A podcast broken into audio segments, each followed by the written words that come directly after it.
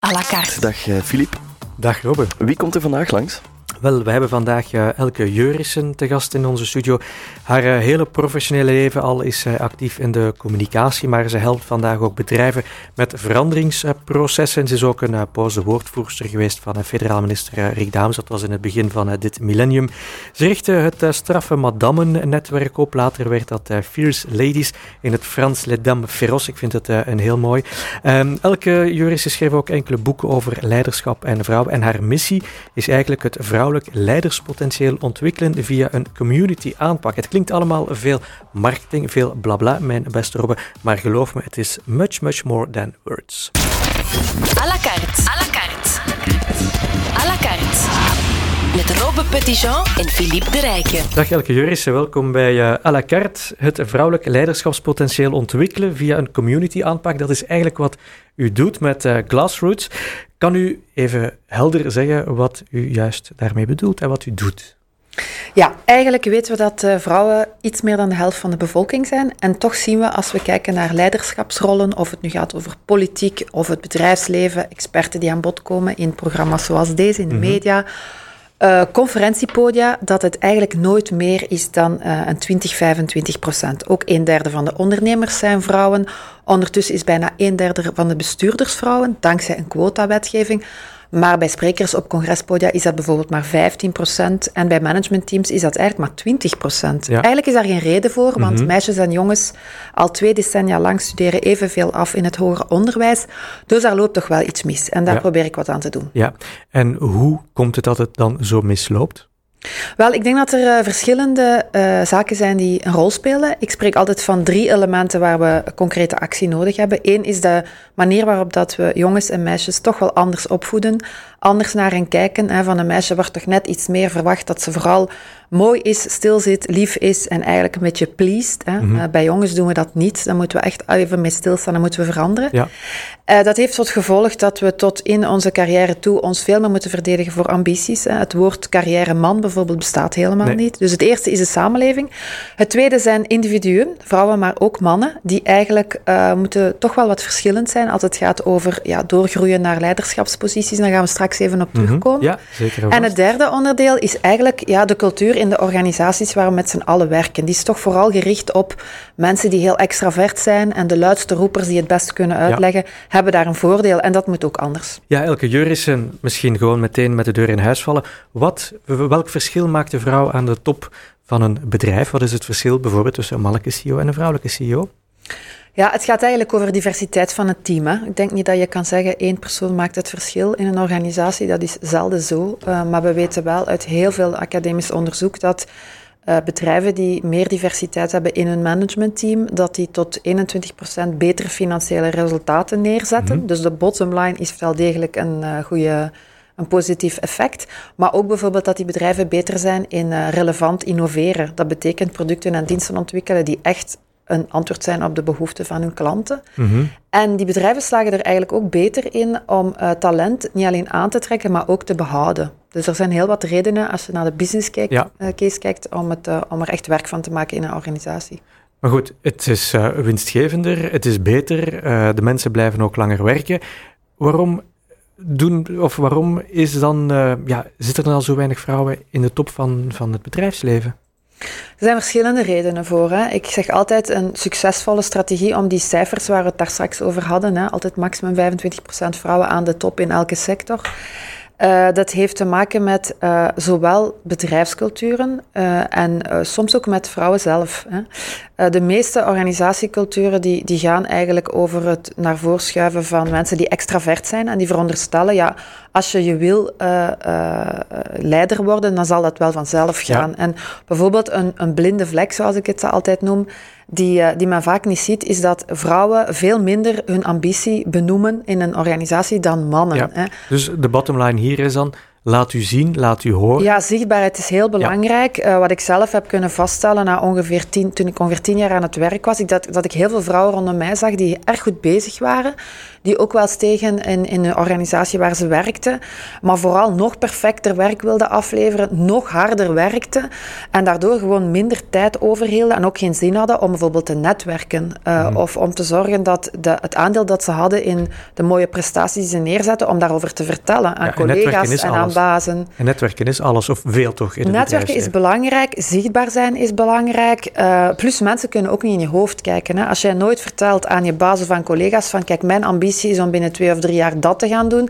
dan weten mensen dat niet. En mhm. mannen doen dat gewoon veel makkelijker. Daar is ook wat onderzoek naar. Het is bijvoorbeeld zo dat um, vooraleer je naar een volgend niveau gaat in een job, uh, mannen, als ze 50% hebben van de competenties, gewoon van ik kan ongeveer de helft van die job, dan zeggen die, doe mij die job maar, ik ben er helemaal klaar voor. Bij vrouwen is dat 90%. Mhm. Dat is een enorme gap. Als je dat niet weet als organisatie en je houdt daar geen rekening mee, dan zullen heel wat vrouwen afhaken op een gegeven moment. Maar welke boodschap wil je dan meegeven aan de vrouwen die vandaag luisteren, die met die ambitie zitten, maar inderdaad het, uh, er niet voor durven uitkomen? Ja, er zijn een aantal zaken die ik heb gezien in de 2500 vrouwen die wij in First Ladies en bij het Straffe Madame Netwerk de laatste zes jaar hebben zien voorbij komen. Dus alles wat ik zeg is gebaseerd op wat die mensen zeggen. Mhm, hè. Uh, En er zijn een aantal zaken die terugkomen. Eén, zichtbaarheid. Hè. Eh, zichtbaarheid, zorg ervoor dat je af en toe netwerkt in je organisatie, ook buiten je organisatie. Twee, zoek eigenlijk een tribe, noem ik het altijd graag. Mhm. Een klik van andere vrouwen die ook ambitieus zijn. Het is veel gemakkelijker om dan af en toe eens een aantal dingen die je, waar je tegenaan loopt, een aantal remmen, een aantal problemen, om die te bespreken. Dat zal ook een tribe zijn van mensen die jou ondersteunt, tegen wie je niet altijd je moet verantwoorden voor je mhm. ambitie. Want dat is ook heel erg vermoeiend. Dat is energie die je niet kan steken in je job, hè, in het verschil maken. Zorg er ook voor dat je leert delegeren. Het is iets wat we heel vaak zien, eh, wat vrouwen, maar ook mannen tegenhoudt in de groei naar een, een hoger niveau in een organisatie. Als je alles... perfect zelf wil blijven doen, ja, dan stopt het heel snel. Na tien jaar ga je dan je plafond bereikt mhm. hebben. Delegeer aan collega's, uh, op het werk, maar ook aan je partner thuis en ook aan je kinderen. Ja, want je zegt zelf, eens een vrouw begint aan kinderen, wordt ze eigenlijk CEO, maar van het gezin. Ja, dat gebeurt eigenlijk zonder dat er over gepraat mhm. wordt. Hè? Ja. Ik zie vaak heel goede intenties bij heel veel mannen en vrouwen. Uh, ja, bij, bij, bij, laat ons nu het klassieke gezin nemen, man-vrouw. Uiteraard kan het ook gaan over twee vrouwen of over twee mannen. Dat gaat allemaal heel goed zonder dat er kinderen uh, zijn. En op, op, een gegeven moment komen daar dan kinderen. En als toemelings, zoals ze mhm, zeggen in Brussel, wordt die vrouw CEO van het gezin. Ja. En die regelt de, de, afspraken met de tandarts, die zorgt dat er brood in de kast ligt. Uh, die weet eigenlijk alles uh, perfect en die regelt alles. En te vaak gebeurt dat zonder dat er een gesprek over is. Waarom? Omdat iedereen het zo doet. Ja, een beetje moderne man die neemt dan wat taken over. Ja. Zichtbaarheid is belangrijk. dat, dat doen wij ook, zijn, Zichtbaarheid is belangrijk. Ga netwerken en het is soms echt uh, oké okay om serieus te stoeven over je werk en gewoon uit te komen voor je ambities. Dat, dat. onthoud ik. À la carte. Nee. Elke Joris, er moet een vrouwenquota komen voor leidinggevende functies in bedrijven, ja of nee? Nee, ik ben uh, geen voorstander van quota. Uh, wat wel moet gebeuren is er moet actie komen van uh, leidinggevenden. Hè.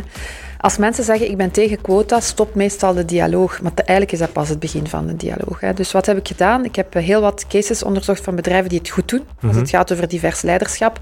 Niet alleen gender, maar bijvoorbeeld ook etnische uh, achtergrond van mensen in leiderschapsposities. En daar kan je wel wat uit leren. Wat doen die bedrijven eigenlijk anders? Um, ik heb een model gemaakt met vijf drivers voor echte verandering. Uh, en daar kunnen eigenlijk bedrijven naar kijken. Ik ga typisch binnen in een bedrijf en dan doen we eigenlijk een scan en dan kijken we hoe doe je het op die vijf domeinen. En kies dan zelf met jouw managementteam waar je wil op werken. Ja, goed. Um, het is eigenlijk allemaal de schuld van de mannen, want zij laten geen plaats aan de vrouwen. Nee, Absoluut niet waar. Okay, uh, het is uh, de schuld van niemand, zou ik zeggen. Mm -hmm. Maar de oplossing ligt wel niet alleen bij de vrouwen. Heel fout is om uh, van meer diversiteit aan de top een vrouwenzaak te maken. Want dan culpabiliseer je één de vrouwen en twee zeg je eigenlijk tegen hen: als het jou dan niet lukt, dan ligt het alleen aan u. En dat is natuurlijk nonsens. Ja. Ben je dan geen, ben je feminist of niet? Absoluut. Absoluut, oké. Okay. Um, de dag dat er veel incompetente vrouwen als mannen aan de top staan, is de echte emancipatie een feit. Absoluut juist. Dat is eigenlijk een uitspraak uh, die ik zelf ook wel eens gebruik in mijn keynotes, die ik regelmatig geef. En uh, die vooral bij mij opgedoken is uh, als ik zo vaak het argument hoor van ja, het moet wel gaan over kwaliteit. Hè. We moeten de beste kandidaat hebben voor die positie. Hmm. Uiteraard, alleen willen we alsjeblieft dat criterium ook dan toepassen voor mannen. Ja, Oké. Okay. Um, als je nooit fouten maakt, blijf je steken in je comfortzone en ga je niet vooruit. Ja, absoluut juist. En uh, eigen aan doorgroeien, aan op een gegeven moment leiderschapsposities opnemen, in welke sector dan ook, is gewoon dat je inderdaad onzeker bent. Mm -hmm. uh, dat het misschien een beetje scary is uh, om te springen. Maar uh, je moet wel springen als je wil doorgroeien. En op het moment dat je dan aanvaardt dat die onzekerheid gewoon deel is van dat hogere niveau, ja, dan komt er een soort rust over je. En het is ook goed, zoals ik daar straks al zei, als je dan een netwerk hebt van andere vrouwen, zoals wij bijvoorbeeld hebben in Fierce Ladies, dan kan je daar met elkaar over praten en dan gaat het allemaal net iets makkelijker. Ja, want die uitspraak komt van Dominique Leroy, de bijna ex-CEO of de ex-CEO van, van Proximus. Um, wat hebben die vrouwen dan gedaan om er wel te geraken? Ja, je zou dat eigenlijk aan hen moeten vragen. Nu hebben we dat in jouw plaats gedaan. Mm -hmm. Samen ja. met Tina Maanhout hebben we dit voorjaar ook een, een boek uitgebracht, Who Run the World, over de kracht van vrouwelijk leiderschap. En daarin worden een vijftiental topvrouwen uit, uh, uit België, ook uit Brussel, geïnterviewd. Ja. En er zijn een aantal zaken die heel erg veel terugkomen. En wat is hun boodschap? Hun boodschap is inderdaad, word zichtbaar, durf te springen. Ze zeggen ook bijna allemaal, op het moment dat het uh, angstaanjagend wordt, moet je toch doorpakken en moet je ervoor zijn. Zorg ervoor dat je een goed netwerk hebt, niet alleen professioneel, maar ook thuis. Hè. Bespreek zaken zoals rolverdeling ook met je partner en zorg ervoor dat, dat, uh, dat het goed verloopt. Uh, en ja, ga er voor, gewoon voor. Durf te springen is eigenlijk een boodschap die bij iedereen terugkomt. Ja, want als ik goed begrijp, um, pleit je natuurlijk niet voor gelijkheid van mannen en vrouwen binnen het bedrijf, maar zeg je nee, je moet gaan voor inclusie, een inclusief beleid. Dat moet een bedrijf gaan, gaan voeren, waarbij er wordt gekeken naar de kwaliteit van de mensen en die worden dan op de, de juiste plaats gezet. Maar er moet gekeken worden ook in door dezelfde bril uh, naar de kwaliteit van de vrouw. Ja, je hebt gewoon diversiteit nodig in leiderschap. Ja. En dat is zo voor mannen en vrouwen, maar dat is bijvoorbeeld ook zo voor introverte en extraverte mensen. Of voor met, mensen met een andere achtergrond of een andere ervaring. Dat zorgt gewoon voor andere inzichten rond dezelfde vraag. En dus heb je gewoon betere oplossingen. Eigenlijk is het niet zo heel ingewikkeld. Ja. Um, u komt in heel veel bedrijven, u gaat in heel veel bedrijven ook gaan praten. U komt dan natuurlijk in contact meestal met de mannelijke uh, directieleden. Hoe reageren zij? Wel, ik denk, uh, ik heb onthouden van een gesprek vroeger met uh, Tony Maria, de vroegere CEO ja. van de VRT, die zei, elke met azijn vangt je geen vliegen. Ik heb mm. dat altijd onthouden okay. en ik vind dat uh, heel belangrijk in alles wat ik doe. Namelijk, uh, om echt verandering in dit thema te brengen, heb je een positieve aanpak nodig. En dat betekent dat je aan, aan managementteams moet uitleggen van, er zijn wel degelijk een aantal zaken die jullie niet zien in jullie cultuur die remmend zijn. Maar er zijn ook een aantal zaken die als versnellend kunnen werken. En wat we typisch doen is met zo'n managementteam eigenlijk eens op zoek gaan naar wat zijn de remmen en de versnellers in je eigen organisatiecultuur. Mm -hmm. En we laten hen dan zelf beslissen welke zaken dat ze aanpakken om eigenlijk te verbeteren. En ik denk dat dat heel belangrijk is, want uh, het moet eerst gedragen zijn door een managementteam vooraleer dat je echt zaken kan gaan aanpakken. Want anders wordt het weer een, een change-project bij een of andere taskforce en dan mm -hmm. landt het eigenlijk toch niet op de werkvloer. Nee, dat is waar. Um, bedrijven die de stap al hebben gezet, en zeg je zelf, ja, die presteren ook beter, um, halen betere uh, resultaten. Maar de mensen op de werkvloer, hoe ervaren zij dat dan? Ja, het is niet gemakkelijk. Hè. Het is niet zo dat je kan zeggen, dit is stap 1 tot 10 mm-hmm. en dan zijn we ja. er. Uh, dat is niet zo. Um, wat je wel ziet, is dat uh, bijvoorbeeld een jongere generatie, de jonge dertigers of eindtwintigers, dat je daar veel vraag naar verandering ook ziet. Uh, een van de uh, typische zaken die, die remmend of versnellend kunnen werken in een organisatiecultuur, dat is de manier waarop dat je werk gaat beoordelen. Hè. Wil je dat iedereen voor je zit, van dat uur tot dat uur, en ze controleren, of laat je flexibele werkschema's toe?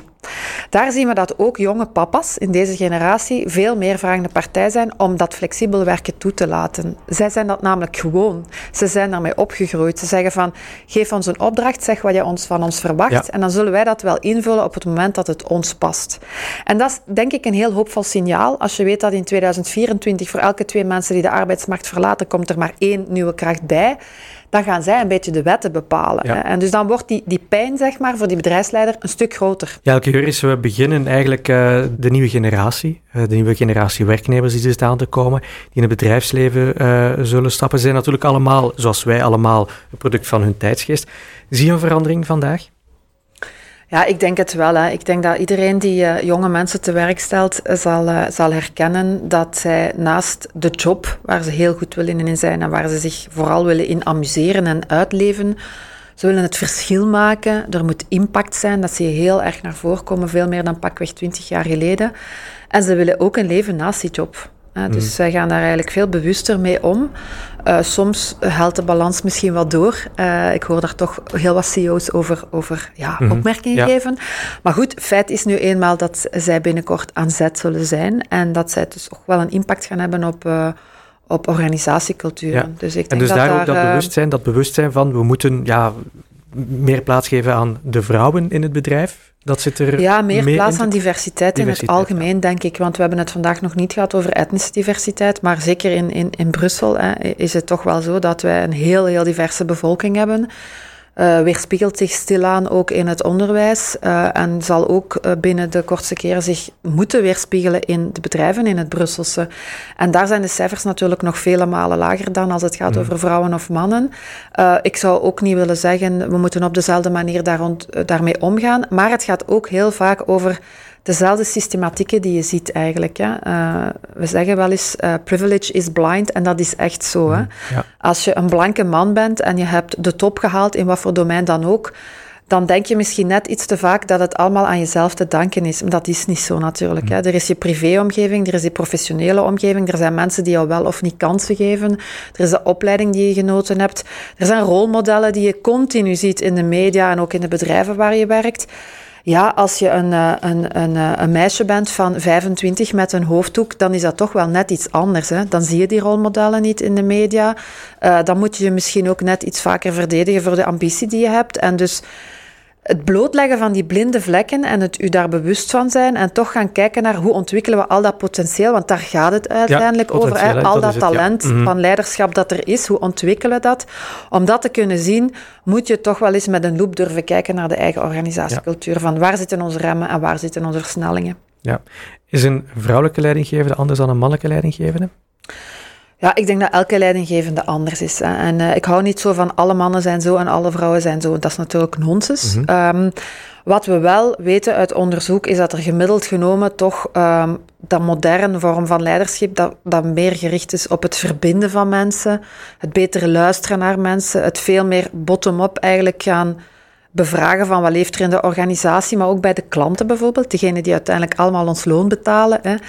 Uh, dat dat toch een eigenschap is die we iets vaker terugvinden bij, bij, bij vrouwen dan bij mannen. Hè. En het, het, het tegenovergestelde, het, het macho top-down model, dat heeft toch stilaan wel zijn tijd gehad. Um, waarmee ik zeker niet wil zeggen dat er geen mannen te vinden zijn die zo zijn. Die zijn er in tegendeel heel veel. En het is ook zo in die zeven jaar straf van madame en fierce ladies dat heel wat mannen uh, mij voortdurend zeggen van we willen er iets aan doen, help ons daarbij. Of die of die madame, die moet je echt eens programmeren, want dat is echt een top madame. Mm -hmm, uh, Dus het is uh, he for she heet de campagne ja, van de VN daar rond. -huh. dat is echt zo, hè, want het gaat ook over een cultuur veranderen, ook ten voordele van mannen. Want als jonge mannen vader worden en die nieuwe generatie dat ook ernstig wil invullen, ja, dan zou het idealiter zo moeten zijn dat zij ook gewoon vaderschapsverlof kunnen opnemen zonder dat ze zich daarvoor moeten verde uh, voor verdedigen. We hebben het in België, maar het, maar het wordt heel weinig mhm. opgenomen. Mm. Het is nu nog maar twee weken, maar het wordt heel weinig opgenomen. Ja, twee weken is eigenlijk veel te kort. Ja, het is ook helemaal anders. In Scandinavië, in een aantal landen, heb je evenveel vader- en moederschapsverlof uh, voor, voor, voor mama en voor papa. En daar zie je dat die maatschappij ja. veel gelijker is. Zijn dat modellanden waar u zelf naar kijkt? Dat zijn absoluut modellen uh, die, uh, waar we iets uh, van kunnen leren. Um, natuurlijk, als je dat vertaalt naar een overheid, is de vraag altijd van wie gaat dat dan betalen? Ja. Hè? Als je het bij de overheid legt, dan heb je een financieringsmodel nodig. Als je het een stuk bij bedrijfsleiders legt, ja, dan moeten zij het gaan betalen. Dus ik denk dat het vooral belangrijk is om die discussies ten gronde te gaan voeren en eens echt te gaan kijken van waar, wat zijn daar de baten. Want we weten wel dat in België de verdeling van de taken thuis, dat is al twee decennia status quo. Dat mm verandert niet. We zijn daar super conservatief in. Ja, ja dat moet anders. Elke Juris, hoe ziet jouw agenda er voor vandaag nog uit? Ik ga namiddag uh, nog even langs bij een bedrijf dat uh, zin heeft om wat te doen aan de cijfers uh, rond diversiteit. Om eens, om eens te gaan kijken wat bij hun de remmen en de versnellingen zijn. -hmm. En dan uh, heb ik ook nog wat tijd om uh, onze Fierce Ladies Thursday van nu donderdag ja. uh, te gaan voorbereiden. We hebben een academy rond non-violent communication. Okay. En ik geef ook nog een sessie over het versnellen van je business idee. Ja, dus, oké. Okay. En wie is er bij jullie te gast bij de Fierce Ladies deze donderdag? Wij zitten bij Linklaters deze week. En bij ons te gast is Tatjana de Mesmaker, mm. die ons eigenlijk inderdaad gaat bijbrengen hoe dat je beter interpersoonlijke communicatie ja. regelt. Alle academies gaan eigenlijk over hoe kan je sneller groeien. Ja, Linklaters is een advocatenkantoor. Ja. Zeer archaïs, uh, ouderwets uh, establishment nog? Of uh, hoe zit het daar met ja, de, de positie van de advocatuur is een heel specifieke sector, ja. omdat je daar eigenlijk ziet dat veel meer meisjes dan jongens rechten studeren, hè, dus ook afstuderen. Ehm, dus de instroom is zeer gelijk, als niet al meer meisjes dan jongens. Maar bij de partners is het bedroevend. Hè. Het is ja, minder dan 10 dan de mensen die dan... Dat zijn eigenlijk ja. de, de chiefs zeg maar, van de advocatenkantoor. Dus daar is nog heel wat werk. Ja, en hoe komt dat dat er maar 10% dan van de chiefs ook chefinnen zijn? Ja, hoe komt het? Als ik er weer eenvoudig op kan mm. antwoorden, dan zouden we nee, het morgen oplossen. Uh, maar het is misschien wel een cultuur die net iets meer macho is dan een doorsnee uh, bedrijfscultuur. Oké. Okay. Advocaten, doe er iets aan. Ik zat het morgen al zeggen, want morgen hebben we uh, Dimitri de Beco, advocaat, uh, top strafpleiter hier bij ons in de studio, beste Robbe. Inderdaad. We zullen het hem morgen voorleggen en dat ze wat minder in hun gentlemen's clubs sigaar voilà. gaan roken. Dat zal veel doen, denk ik.